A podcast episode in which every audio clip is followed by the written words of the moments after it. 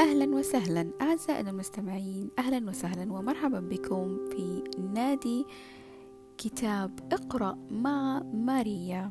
وكتابنا لهذه الفترة كتاب عملية الحضور. رحلة إلى داخل إدراك اللحظة الحالية للمؤلف مايكل براون. ترجمة الدكتور محمد ياسر حسكي وكارمن الشرباصي توزيع دار الخيال.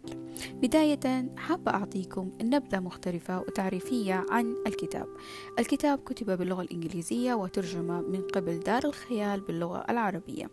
يحتوي الكتاب مبدئيا على شكر وتقدير وتمهيد أيضا مقدمة للدكتور جوديث كرافيتس اللي هي مؤسسة التنفس التحولي.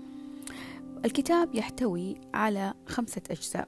الجزء الأول وهو يتكلم عن عملية الحضور وما هو معنى إدراك اللحظة الحالية وكيف يكون التوائم والموائمة مع النية وآليات العملية ووعي الأسئلة. كما يتكلم أيضا الجزء الأول عن البصمة العاطفية والشحنات العاطفية وما إلى ذلك.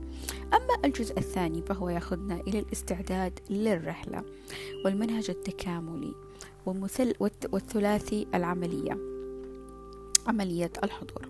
أما الجزء الثالث وهو المهم الجزء الثالث والذي يتكون من عشرة أسابيع بمعنى أنه كل أسبوع لابد أن نطبق تمرين التنفس وننتقل إلى بعده فيما, فيما بعده إلى الأسبوع الذي يليه.